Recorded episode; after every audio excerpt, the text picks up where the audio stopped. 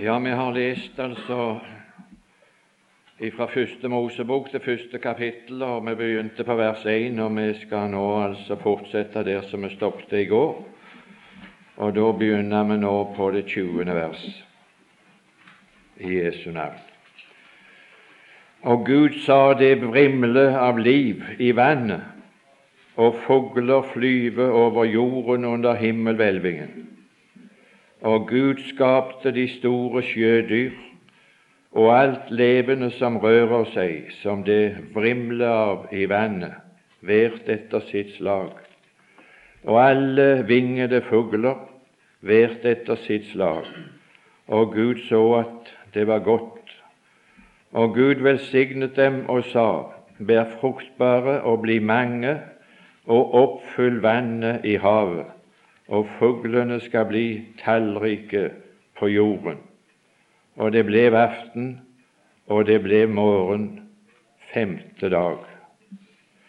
Herre Jesus, vi vil fortsatt påkalle ditt dyrebare navn i denne stund og i dette samvær som du har dratt omsorg for å samle oss for ditt åsyn. Vi vil få lov å be om la din ånd i ordet være, og signe stunden, Frelser kjære. Amen. Når vi altså til denne tid har lest om disse forskjellige dagene og de to første versene før de seks dagene begynte, så har vi prøvd å følge med at det er det svarer til forskjellige tidsperioder fra skapningens begynnelse. Og det vi har vært inne på inntil denne tid, det er alt sammen det som hører fortiden til. Sjøl altså med den som jeg leste i går, så er mesteparten av den fjerde dag og av den tidsperiode som vi lever i nå, som kalles nådens år og det velbehagelige året fra Herren, og det som kalles for nådens tidshusholdning, så er også det for det meste noe som hører fortiden til. For vi er uten å være i tvil, så er vi altså overbevist om at vi befinner oss i avslutningen av det nådeåret, og at det altså og når nådens år tar slutt, så er det slettes ikke slutt med, med tiende, og det slettes ikke verdens ende. Men altså, det kommer en dag etterpå, den fjerde, og det er den femte dagen. Og det den femte dagen svarer til, det er den tidsperiode som begynner umiddelbart etter at nådens dag er slutt. Og den vet vi Hvis vi skulle prioritert altså hva vi skulle være mest opptatt med, hvis vi skulle gå etter det, så burde vi hatt altså mesteparten av tida vår opptatt med vår egen husholdning. Men denne gangen så var altså hensikten at vi skulle gjøre oss kjent med de forskjellige tidsperioder og tidshusholdninger som det har vært fra begynnelsen av og som altså vil avsluttes for vårt vedkommende ved avslutningen av nådens år. Men etterpå det så kommer det altså en tidshusholdning etter bortrykkelsen, for vi kjenner til hvorledes vår husholdning skal avsluttes. Et, et lite trekk vil jeg altså ta med med altså avslutningen av den fjerde dag. Den slutta ikke med kveld, som vi har vært inne på. Han slutta med dag, og han slutta med fullt lys. Og vår tidshusholdning den skal slutte altså med et vidunderlig lys og med en vidunderlig avslutning. Det er noe forunderlig altså med, med, med, med Guds måte å, å, å, måle år. Og når det nådens år ble målt, så begynte det ikke med nyttår men det begynte med vår.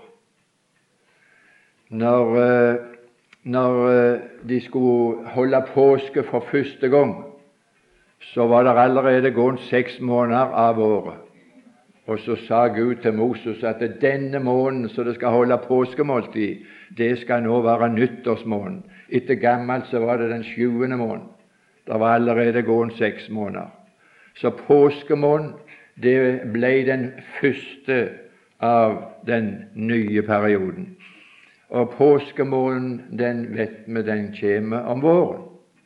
For påske det skulle altså være første fullmåne etter vårjevndøgnet. Den 15. Da skulle det være fullmåne, og da var det påske.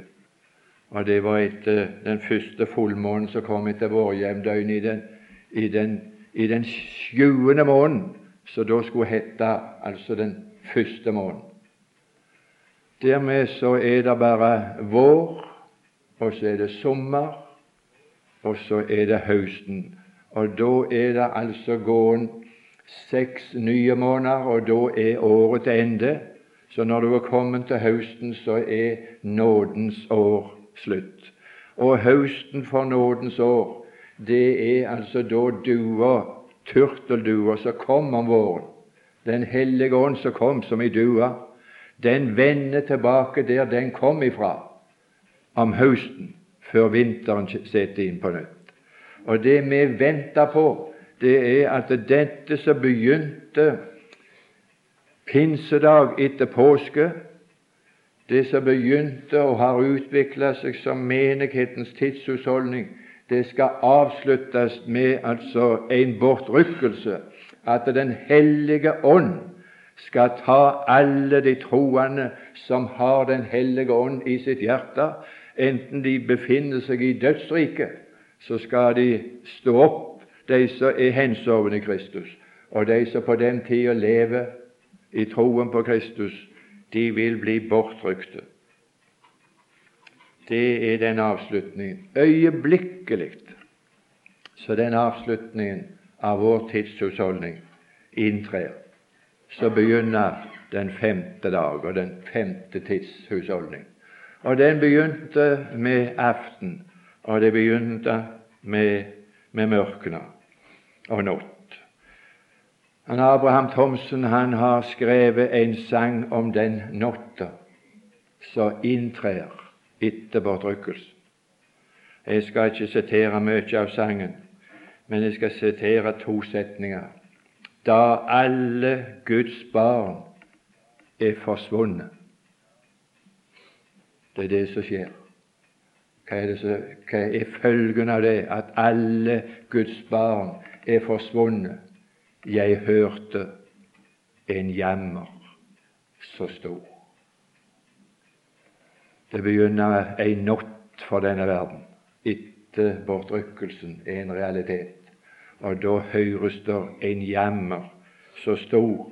Og jeg kjenner ingen annen som har beskrevet den jammeren og den natta så, så inderlig som Abraham Thomsen har gjort i den sangen han har skrevet. Det som skjer nemlig med bortrykkelsen, det er at det som sol og måne og stjerner var symbol på.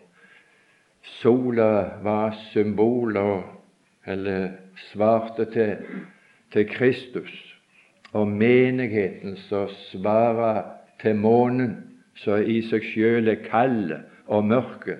Men når menigheten står i et rett forhold til Kristus, så reflekterer månen lys ifra Kristus til denne verden.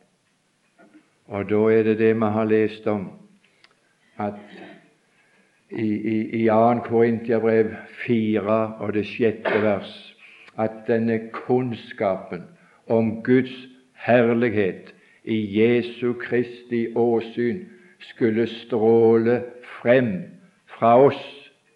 Men du all verden, men det blir mørkt når menigheten som stråler fram Guds herlighet i Jesu Kristi åsyn ikke lenger la sitt lys skinne over denne jord.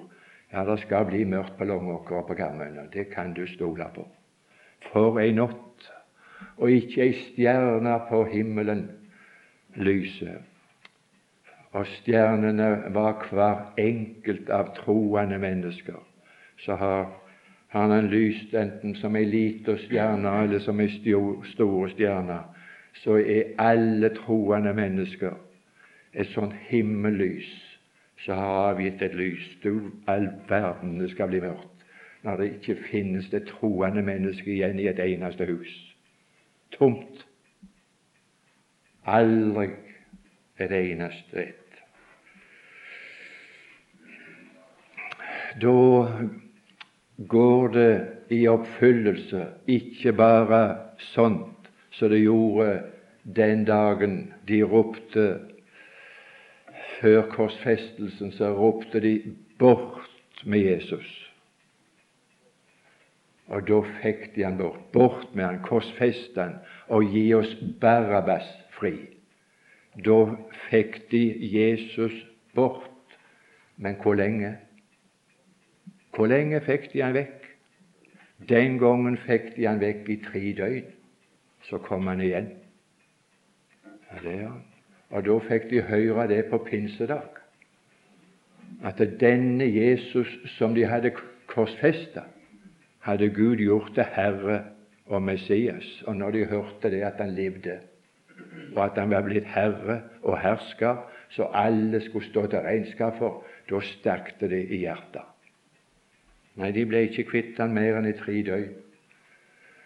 Så kom han igjen og har vært her gjennom sine vitner og gjennom sin menighet.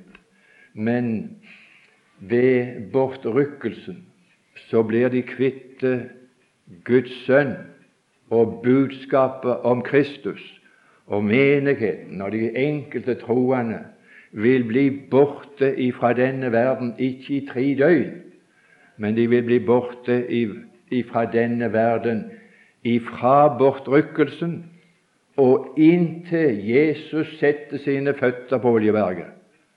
Så lenge vil de være uten Kristus her i denne verden etter bortrykkelsen. Og så lenge vil de være uten menigheten, og så lenge vil verden være uten et eneste troende menneske, for da er de i himmelen alle sammen. Jeg, jeg, tror ikke jeg skal ta noe mer tid til å si mer om det, for dette er velkjente sannheter for oss som går på møter. Sannheten og velsignelsen om det salige håp som skal avslutte vår periode her i denne verden, er det salig for meg å tenke for min egen del? At jeg er rede ved natt, og jeg er rede ved daggry, og jeg er rede ikke på grunn av at jeg sjøl har gjort meg rede, men for at jeg er gjort rede ved lammets blod, som jeg har hørt om her, og at Han har gjort meg skikket til de helliges ervelodd i lyset. Jeg skal fortelle deg noe. Det er det eneste til denne tid som han har gjort meg skikket til. Jeg er så uskikka for å leve her i denne verden som en bekjennende kristen at det, det er ei skam, altså. Så uskikka jeg er. Det eneste han har gjort meg skikka til, det er til de helliges arvelodd i lyset. Der er jeg fullstendig gjort skikket, og det takker jeg han for fra vitsens bidige dag. Ikke for at han må gjøre meg skikket, men jeg takker Faderen fordi han gjorde oss skikket til de helliges arvelodd i lyset. Det er velsigna godt å tenke på det. Enten du sover eller du våker, så er du gjort skikket til bortrykkelsens dag, bare fordi du er en troende som har tatt din tilflukt til den Herre Jesus. Ellers så føler du det og andre folk er misfornøyde med deg, for du er så uskikka, du skulle vært så annerledes skikka som et kristelig menneske, så folk skal ha med å gjøre. Så du holder ikke mål på noe område, men den dagen, altså, da holder jeg mål, for jeg er gjort skikket til de helliges arvelodd i lyset. Er det ikke salig? Det er så ærlig at det er, det, det, det, bare, det er bare lys, det. Så avslutningen den skal bli vidunderlig lys. Vi skal få lov å fare herifra i fullt lys. Mer sier vi ikke om det. Da blir det mørkt for deg, sier igjen. Den femte tidsperiode for denne verden, den begynner med et mørke som består i å høre et sånt jammer og skrik 'Hvor er mine kjære?' Jeg skal ikke prøve å skildre det, du kan gå hjem og lese sangen til Abraham Thomsen. Men etter at den natta er forbi, så ble det morgen den femte dag. Ja, det var litt av en dag. Vi har altså Jeg har Ja, så lenge jeg kan minnes, så har jeg hørt, lest ifra profeten Esaias, det 21. kapittel og det 11. vers. Og det har vært talt, altså, og det har vært holdt bibeltimer, og det har vært holdt svære møter om det tema som der er altså stilt. De spør vekter hvor langt er det på natten? Så svarer vekteren der kommer natt, der kommer dag, men der kommer også natt. Og de som spør vekteren hvor langt er det på natta, så får altså svar at der, der kommer dag. Vet du hvem det er som spør? Ja, det er iallfall ikke de troende som spør. Men de som spør, det er Edom som spør. For Edom har altså levd i et mørke, og du vet vel hvem Edom er?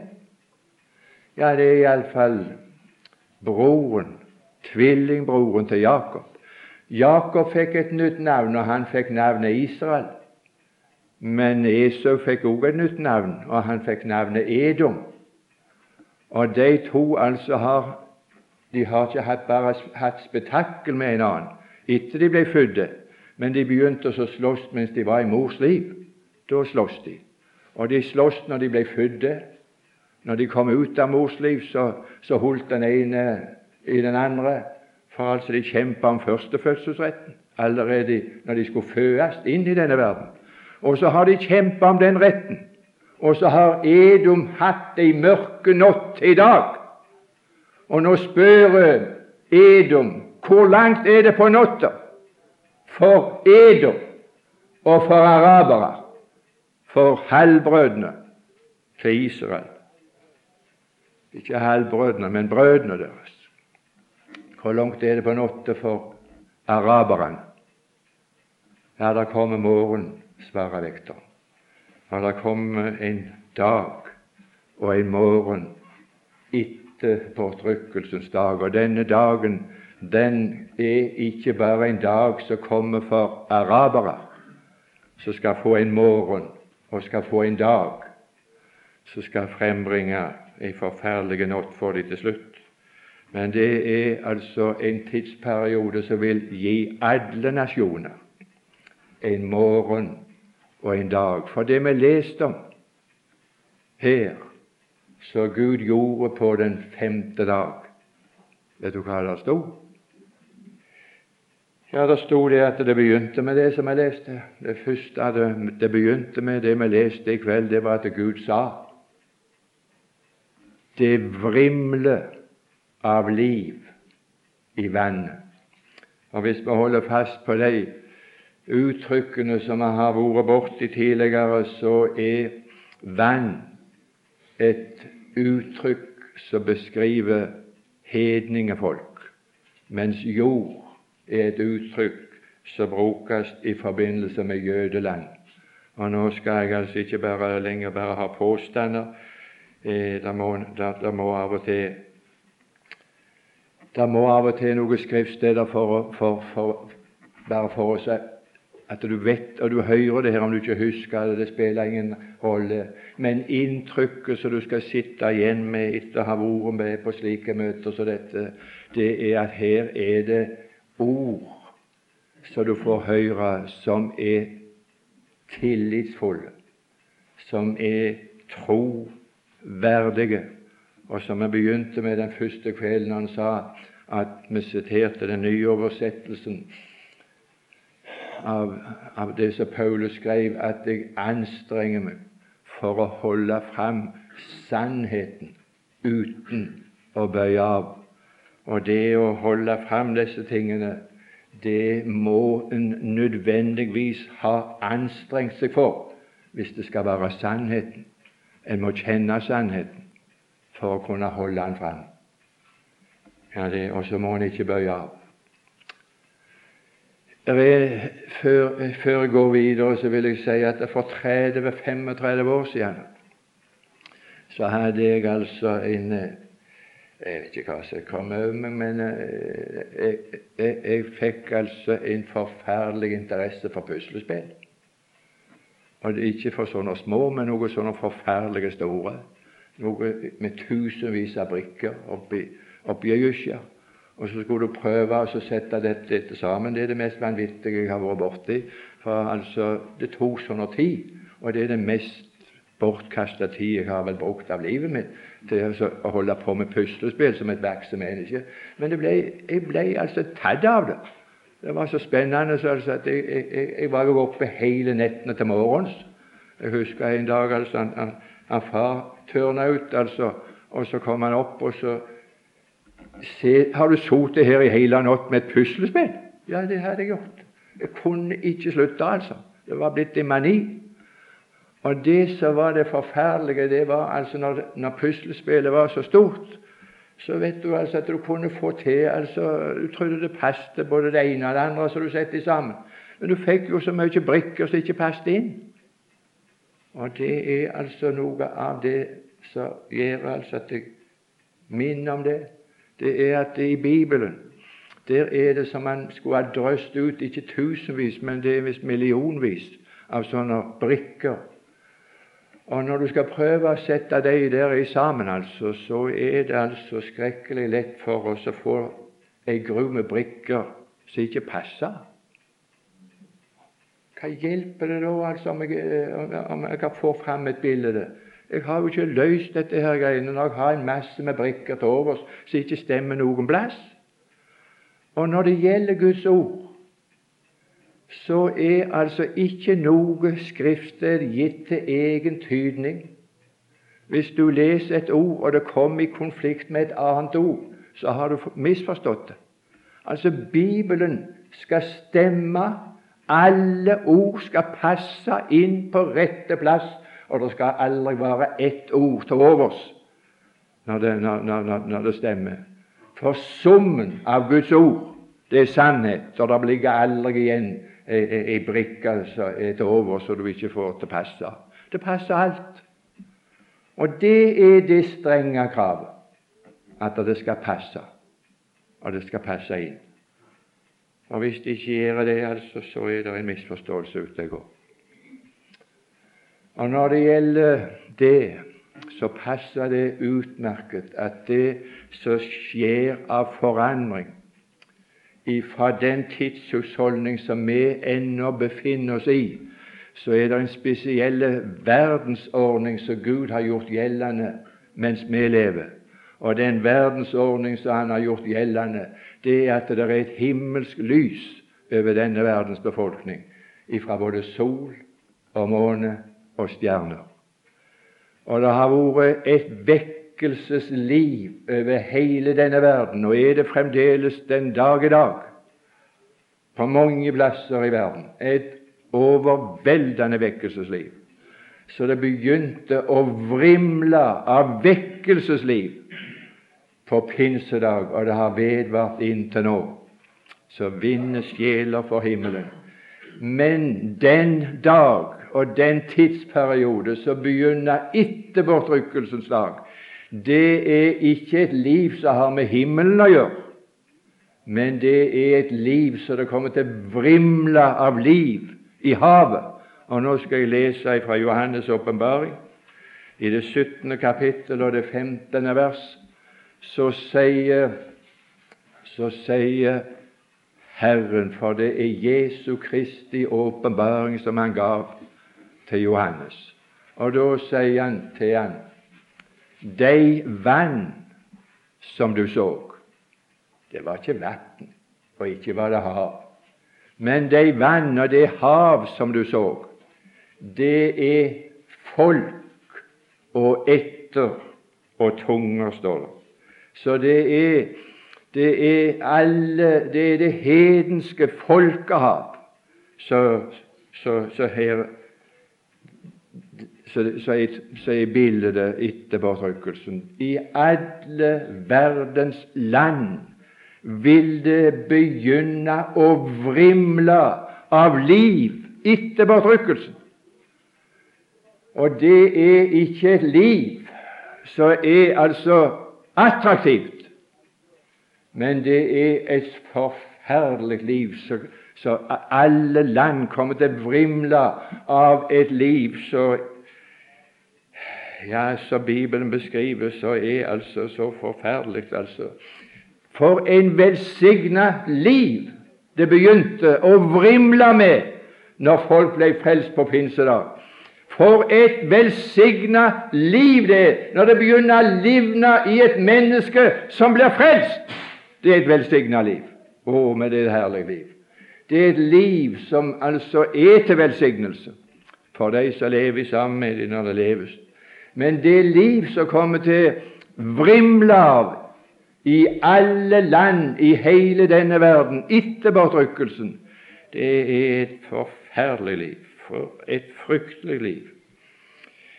Og det er altså noe som lykkes evangeliet, det 21. kapittel, og det er det 29. vers, oppfordrer oss til se på fikentreet, og det skal jeg si altså at det det trenger vi snart ikke noen oppfordring. Den eneste oppfordringen vi trong, det var at vi så litt mindre på det, eller vi gjerne er blitt oppfordra til å gjøre. Men se på fikentreet og alle trær. Og det som det skal bli oss å se i alle trær, det er det at når du ser det kommer saft så er det en vår og en sommer som står for døra. Det er en dag, det er en morgen og en dag hvor alle land skal få lov å vrimle av et liv som har vært holdt nede, og det liv er, I våre dager så er det et uttrykk som brukes altså om sånne land nede i Afrika og litt i Syd-Amerika antagelig de kaller det for altså utviklingsland, og at Norge er med på å hjelpe til å utvikle disse utviklingslandene. Etter påtrykkelsen så skal det bli en utvikling i alle land som verden aldri har sett maken til. Det vil vrimle av liv. Alle land vil ikke bare bli utvikla sånn lite grann, men alle vil utvikles til det maksimale til toppunktet av utvikling. De vil i den tida, når de får en vår og en sommer og en tidsperiode, så skal det være en høst som et resultat av det som der er blitt utvikla. Og det, det, det, vil være på høyeste nivå.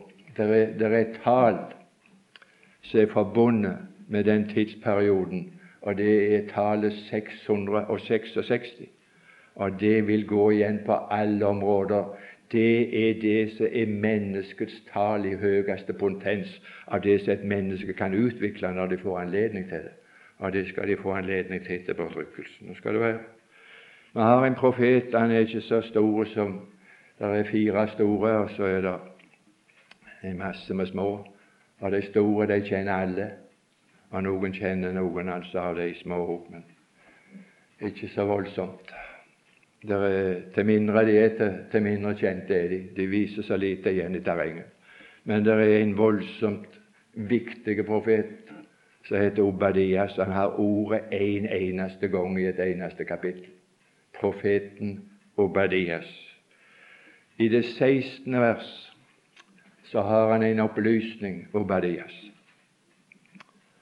Og den opplysningen er om denne perioden. Hele hans beskrivelse er en beskrivelse av perioden imellom bortrykkelsen og Jesu komme til Oljeberget. Og Da er det et ord som han sier i det 16. vers, at alle folkene skal drikke uten å holde opp. Og da må de ha tilgang, altså. Og i den perioden så vil de få tilgang så at de kan drikke og nyte i fulle drag. Og det skal ikke være noen grunn til å stoppe. De skal drikke uten å holde opp. Og hva er det de er tyste på i den tida? Johannes' åpenbaring, det 18. kapittel og det 14. vers, så står det en beskrivelse som vi skal bare ta med i den farten. Den frukt din sjel hadde lyst på, den var der altså tilgang på uten at de hadde grunn til å holde opp. De kunne altså nyte det som deres sjel hadde lyst på, alt det de kunne til det maksimale. Og hva var det de hadde lyst til? De hadde lyst til å synde. Og de skal nå sine synders fulle mål i den perioden. For et liv! For et forferdelig liv. En ting til fra profeten Daniel.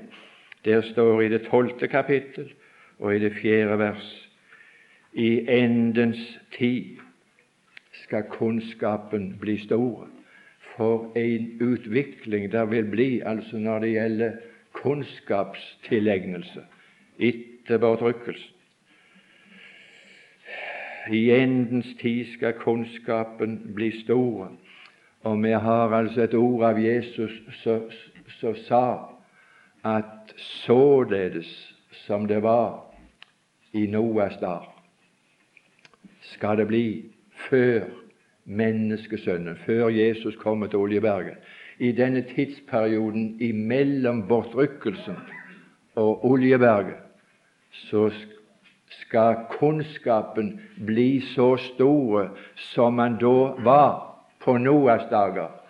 For da var kunnskapen så stor at Gud sa nå kan de gjøre hva de får lyst til, og gjøre alt det de måtte finne på.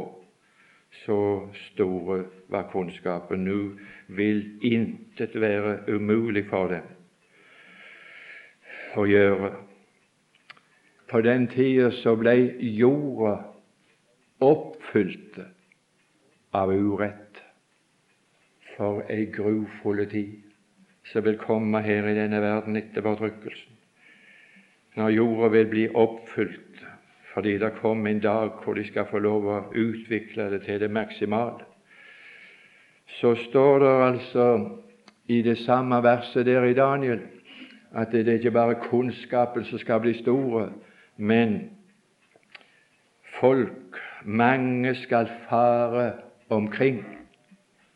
Og det ordet det er oversett i, i, i den Bibelen som jeg har, i 2. Krønikebok, i det 16. kapittel og det 9. vers, at de ikke bare skal fare omkring, men de skal, kunne fare, eller de skal fare omkring over all jorden. Det er noe som de vil altså gjøre i den tida. Det vil bli altså en masseturisme i alle verdens land. Det er noe som vi har begynt å se, altså, har utvikla seg. Men det som vi ser, det er bare begynnelsen av. Det, I dag er det bare de som er rike, som har anledning å reise som turist. Men i den tida skal alle land få en dag hvor de skal nyte og hvor dette her skal altså fylle jorda med urett. Du store all verden, for en beskrivelse av ei tid. Galaterbrevet, det sjette kapittel og det åttende vers, har en setning som forteller noe om det. Den som sår i kjødet, han skal høste fordervelse av kjødet. Og det så, dette vrimlende liv som oppstår og begynner i denne tidsperioden. Så det vrimler av liv. Det er et liv hvor alle sår i kjødet. Og resultatet av det, det er at når slutten av den tidsperioden kommer, så høster de fordervelse av det de har sådd. Du skru for du skrekk for ei greie. I denne tidsperiode sa jeg at de vil nå sin sin ondskapsfulle mål på samme måten som det gikk ei lang tid før kananittene Abraham ble kalt av Gud når han var i Mesopotamia. Og så sa Gud til han, dra ut ifra ditt land og ifra ditt folk til det land jeg vil vise deg, så jeg vil gi deg, deg og din ett. Og det landet, det var Kanan. Men i første Mosebok 15 så sier han til han at dette landet, Kanan, som jeg har lovt deg, og som du skal få, de har ennå ikke fylt sin ondskapsmål. Derfor skal ditt folk bo som fremmede i et land i 400 år. Og etter de 400 åra og etter de 40 åra pluss så de var i ørkenen, så kom altså Israel til Kanans land, og da hadde Kanans land fylt sin ondskapsmål. Tenk det gikk så mange hundre år, for ifra det tidspunktet så var det altså Når Abraham kom, og Abraham og Lot var der, så står det at mennene i Sodoma var på den tida som Abraham og Lot var der og oppholdt seg som fremmede der. Da var mennene i Sodoma vonde, og de synda storlig imot Gud. Og sjølve byen Sodoma og Gomorra, de altså ble lokalt utrydda. Men landet Kanan hadde på det tidspunktet ennå ikke fylt sine synders fulle mål. Det gikk altså 400 år 400-500 år før altså landet hadde fulgt dette målet, og de ble utrydda.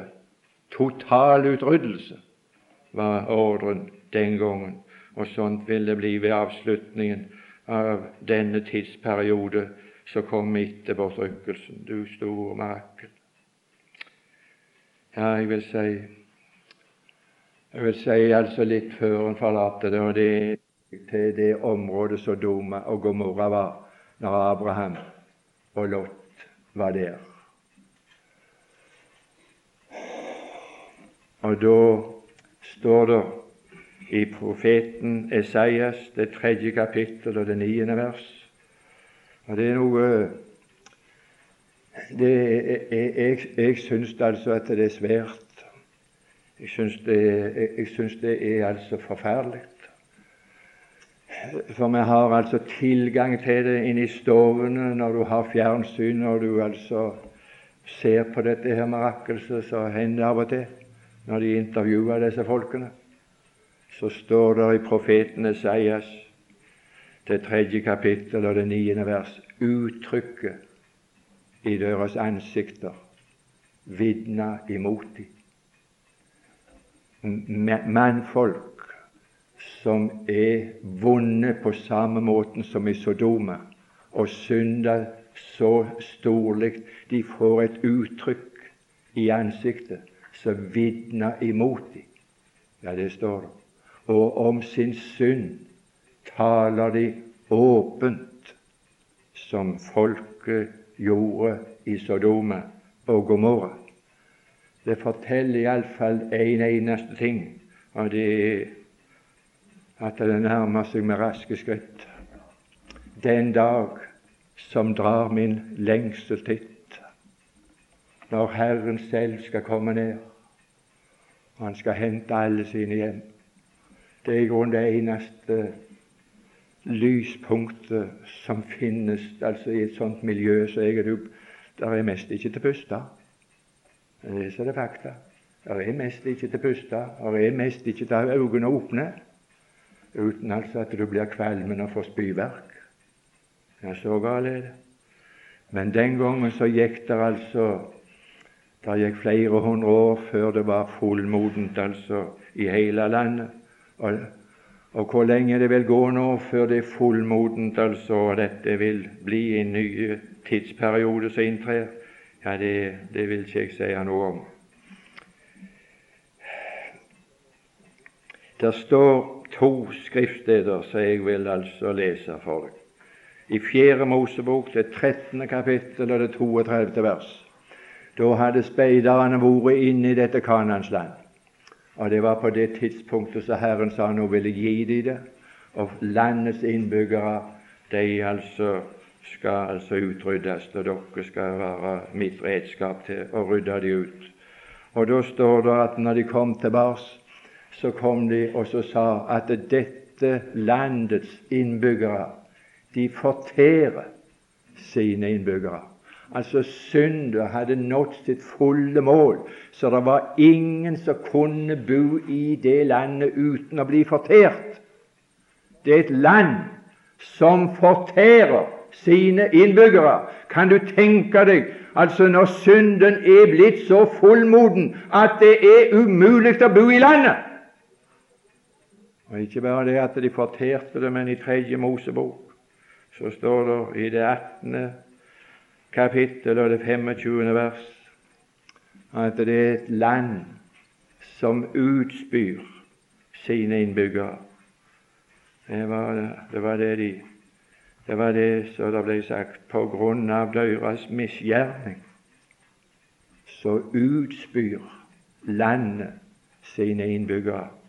Jeg skal ikke si noe mer om det. Jeg kunne tenke meg altså at at dette som jeg har sagt om denne tidsperiode som vil inntre øyeblikkelig etter bortrykkelsens dag, at den er en beskrivelse av noe som er så forferdelig, og noe som er så gruoppvekkende, at det skulle kunne være sterkt nok til å kunne tilskynde en som måtte være mest helt bedøvd, altså, til å fly for sin livs skyld og rope om frelse for sin sjel. Herre Jesus, du må frelse meg, så at jeg slipper å komme inn i den tida, i den tidsperioden så denne verden og Karmøyna vil oppleve når bortrykkelsen er en realitet. Du grue denne verden. Det er så det grøsser med tanke. For de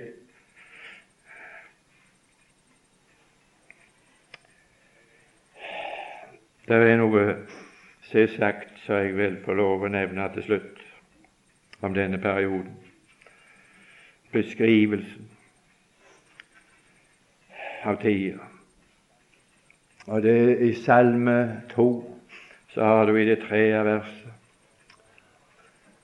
Det har vi hørt på lenge, men det har altså ikke lykkes. Men da vil det lykkes. Og det som de har ropt på, og det de har kjempa for, det er det som der står La oss sprenge deres bånd av oss og kaste våre rep av oss. Ja, det sier de. Det har de, det har de ropt. Det er en forunderlig tid vi lever i, som, som har levd mens jeg har levd. Når jeg var ung, så, så hadde vi altså en gjeng eh, folk som gikk på Universitetet i Oslo. Og de som gikk der, det var altså Mange av de er døde nå.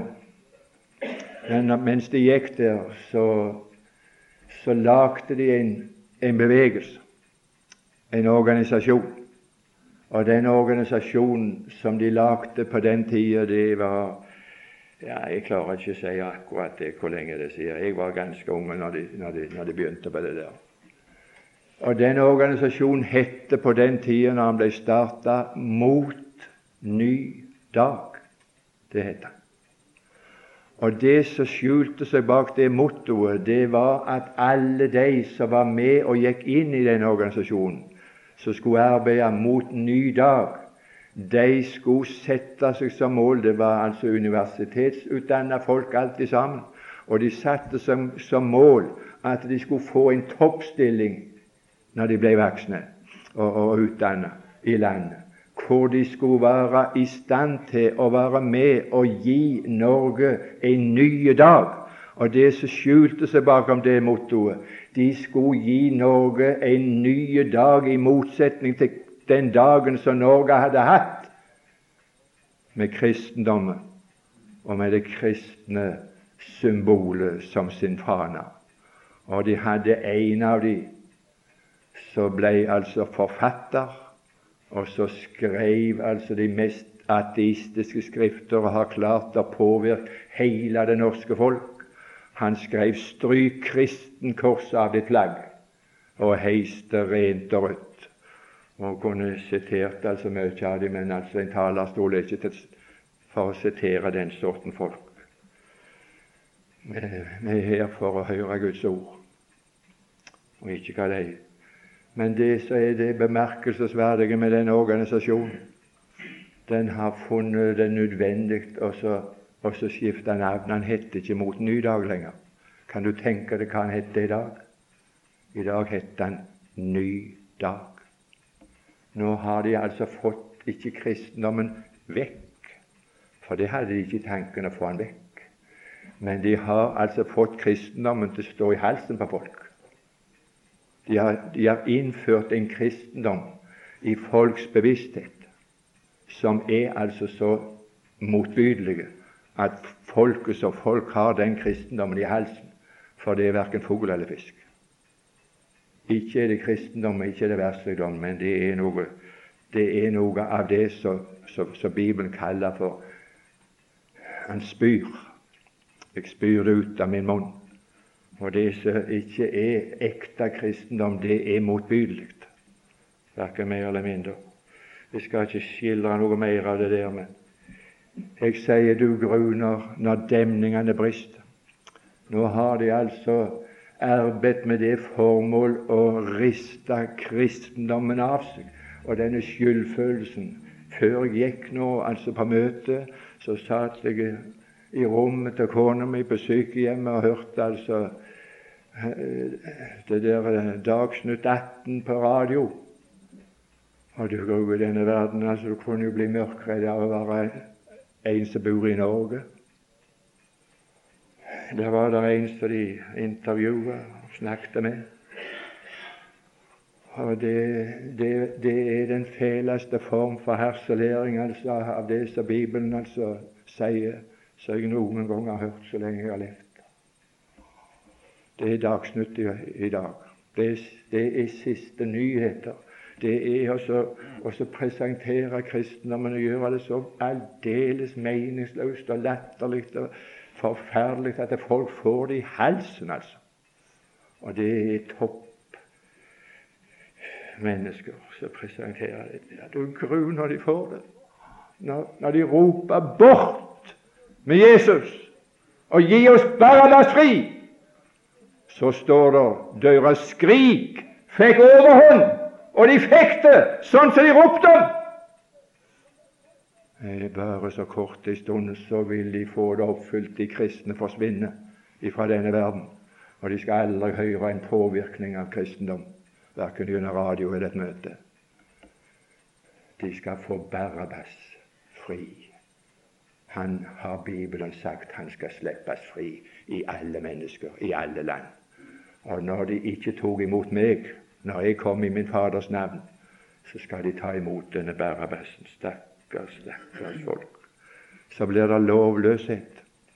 Og lovløshetens hemmelighet er, den er alt virksom nå, men nå er det noe som holder igjen. Men når det ikke er noen ting som holder igjen, hvordan blir det da? når det blir lovløst uten at det er noen demninger, når alle demninger brister. De klager nå at det er lovløst.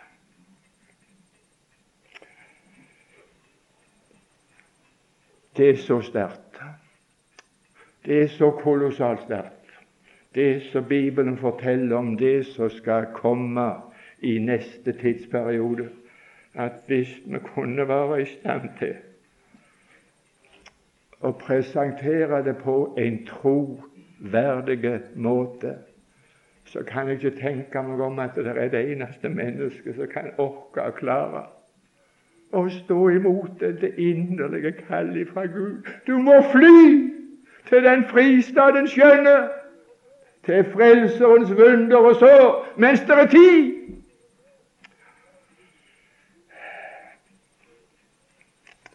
Der står at i den tida så vil Satans kraftige gjerninger være i virksomhet. Gud hjelpe meg, altså. Nå har nå Satan vært i virksomhet i nådens tid, og jeg syns det er gale nokså så det er.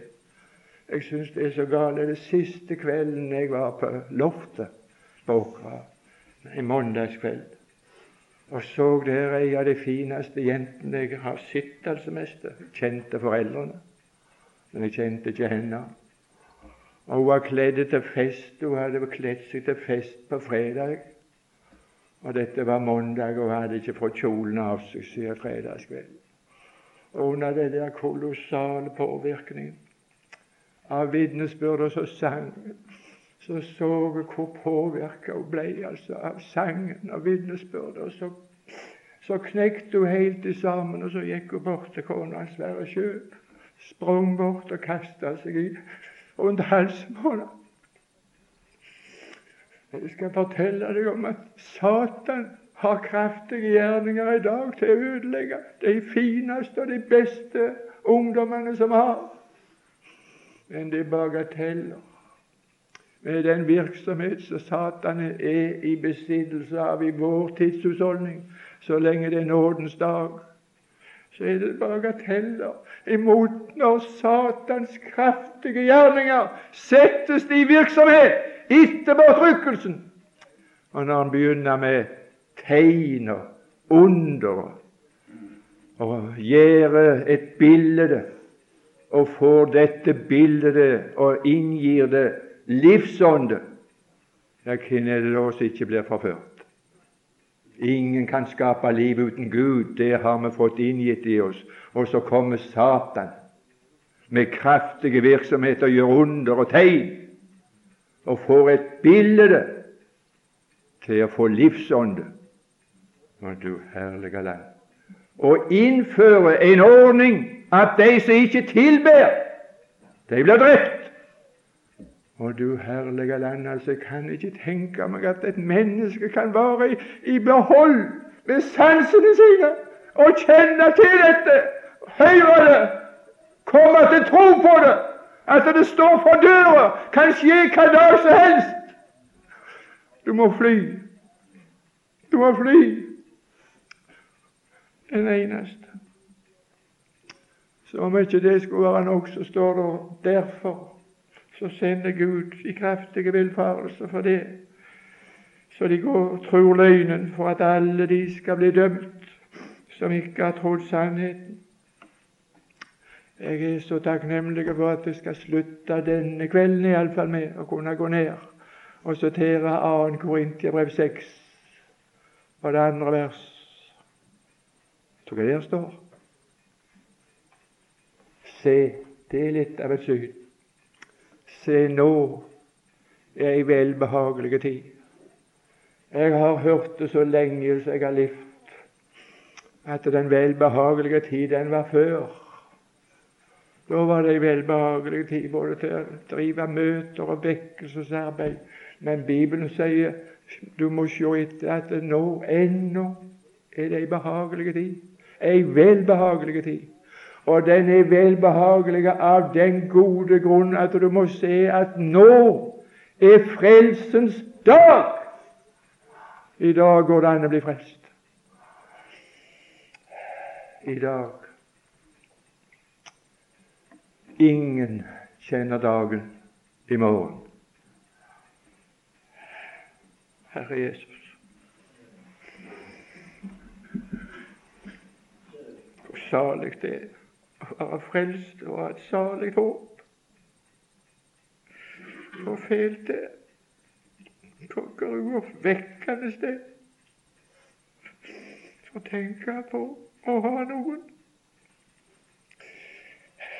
som har stått deg imot og klart det til denne stund. Gud i himmelen, jeg vil få lov å nedbe din velsignelse over oss. Jeg vil få lov å be om Den hellige ånds påvirkning og kraft til å være sanndrue vitner. Så jeg kan vitne om det på en troverdig måte.